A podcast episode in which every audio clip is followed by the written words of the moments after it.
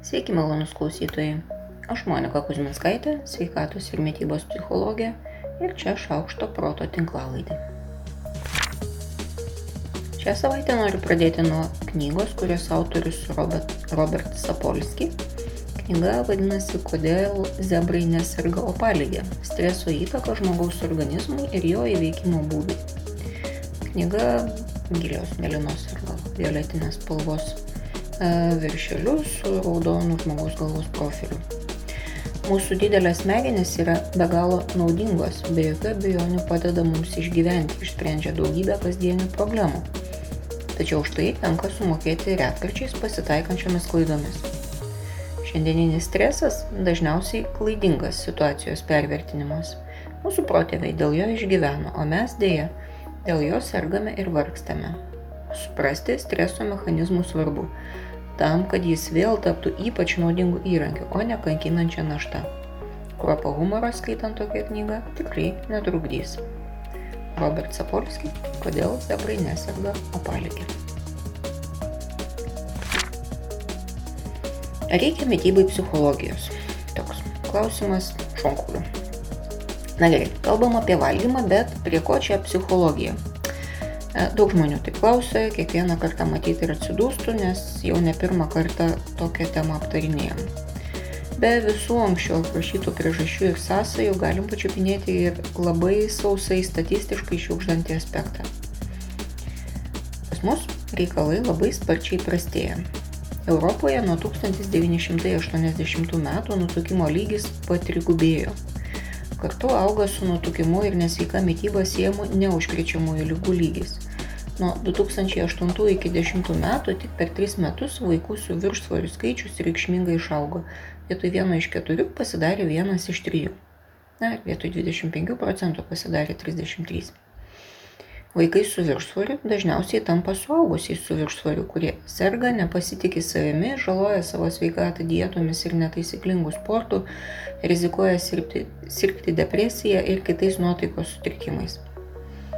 Žvelgiant į dažniausias ankstyvos mirties priežastis, bent šešios iš jų susijusios su mytyba ir fiziniu aktyvumu. Tai yra padidėjęs kraujospūdis, per didelis cholesterolio kiekis, per didelis kūno masės rodiklis, nepakankamas vaisių ir daržovių vartojimas, per mažas fizinis aktyvumas ir piknaudžiavimas alkoholiu. 2014 metais buvo suskaičiuota, jog Lietuvoje tik 47,9 procentai gyventojų kasdien valgo vaisių ir tik 54,5 procento kasdien valgo daržovių. Iki 2019 metų vaisių ir daržovių vartojančių lietuvių skaičius krito iki 44,4 procentų. Grupė pradėta skaičiuoti kartu. O be to, net 28,1 procentas paskutiniais metais skundėsi kraujospūdžiu ir net 25,6 procentų lietuvių yra nutukę. Nutukę reiškia, kad kūno masės indeksas viršyje 30. 2016 metais šis skaičius jau buvo 26,3. Jis auga, mes nesuprantam, kaip valgyti. Prie šios sparčiai blogėjančios padėties gali prisidėti daugybė specialistų, prie jo sprendimo be abejo ir medikai, kurie yra sveikatos ir mytybos fiziologijos specialistai, ir visuomenės sveikatos specialistai, kurie yra didelių visuomeninių sveikatos programų rengėjai ir vykdytojai. Taip pat jie gali pagristai vertinti dabartinę gyventojų sveikatos būklę. Gali prisidėti ir švietimo specialistai, kurie gali mokyti ir vaikus, ir tėvus. Ir, ir visa maisto pramonė, kuri gali aktyviai dalyvauti sveiko maisto pasiūlos didinime.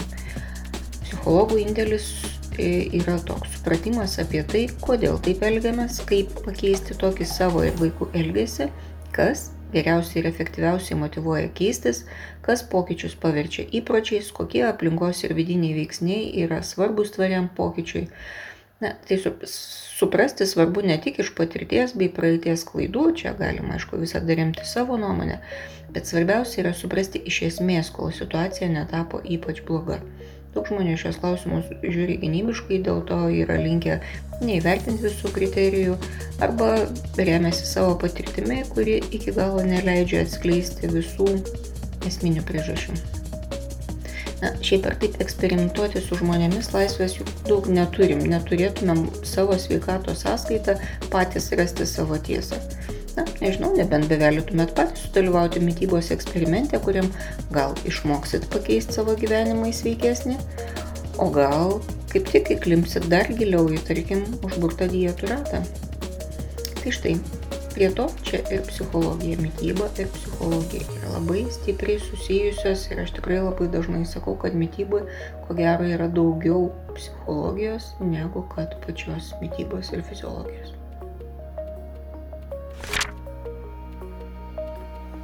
Praeitą savaitę pakalbėjom apie įsivaizduojamą valgymą, bet mintinių treniruočių galim daryti gerokai daugiau.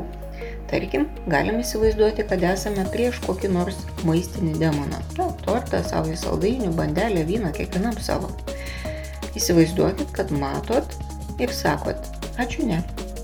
Vietoj to, vietoj to imat obolį ar vandens ar bet ką, ką pasirinksit.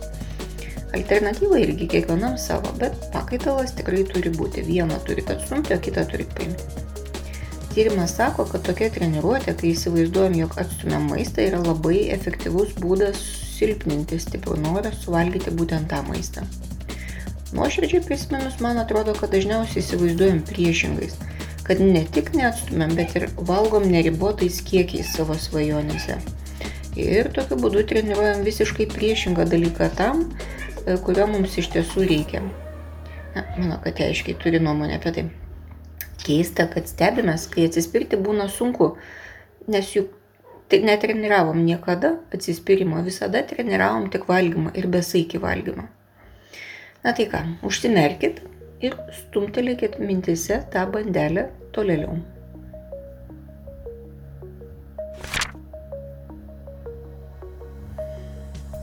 Antro vaiko gimimas šeimoje yra didelė šventė, sukelianti daug šurmulio ir džiaugsmo. Pirmam vaikui tai kartu yra ir didelis stresas. Visų pirma, todėl, kad tai yra didžiulis pokytis ir mažo vaiko smegenis dar nėra pasirengusios susitaikyti su tokiu dideliu pokyčiu. Vienas su valgymu susijęs reiškinys, kuris įvyksta gimus antram vaikui, vadinasi resursų išskirstimas. Arba jeigu pažodžiu įversti iš anglų kalbos atskėdimas. Angliškai naudojamas terminas resource dilution. Vienas iš jų resursų yra tėvų dėmesys tenkantis vaikams. Pavyzdžiui, maitinančios mamos dėmesys, kuris tenka pirmajam vaikui, reikšmingai priklauso nuo antrojo vaiko temperamento ir apetito. Atrodo logiška, tačiau pačios mamos, kalbantis apie tai, šio ryšio neidentifikavo. Jei gimus antram vaikui šeimos rutinos ir tvarka suyra, tai reikšmingai veikia ir vaikų maitinimą. Visi persijungia į tam tikrą išgyvenimo režimą o tai sudaro palankės sąlygas pirmojo vaiko nutukimui vystytis. Čia svarbiausia gelbstintis veiksniai yra visos šeimos sistemos persitvarkymas taip, kad kuo greičiau nusistovėtų nauja, visiems kuo palankiausia tvarka.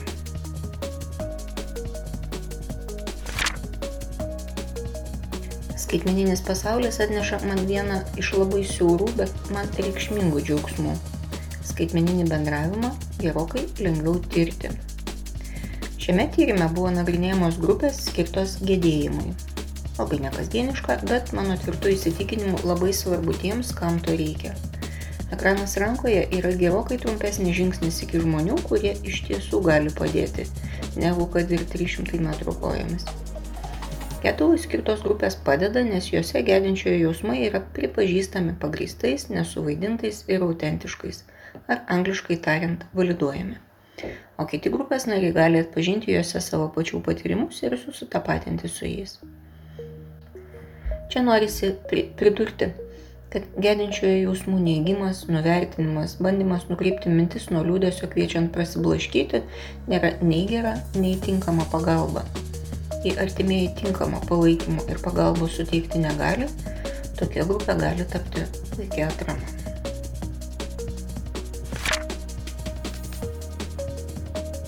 Na, šiandien kitos aktualijos, tai ir proga išbandyti, jei to dar nedarėte. Šiandien eksperimentas apie sprendimų prieimimą. Žinau, suprantu, informacijos šiais laikais yra tiek daug, kad sunku sugerti, apdoroti ir suprasti. Tačiau yra svarbi informacija ir yra informacinis fonas. Sprendimas, ką skaitote ir žiūrite ir ką veikiate su šia informacija yra vis tiek kiekvieno mūsų galvoje.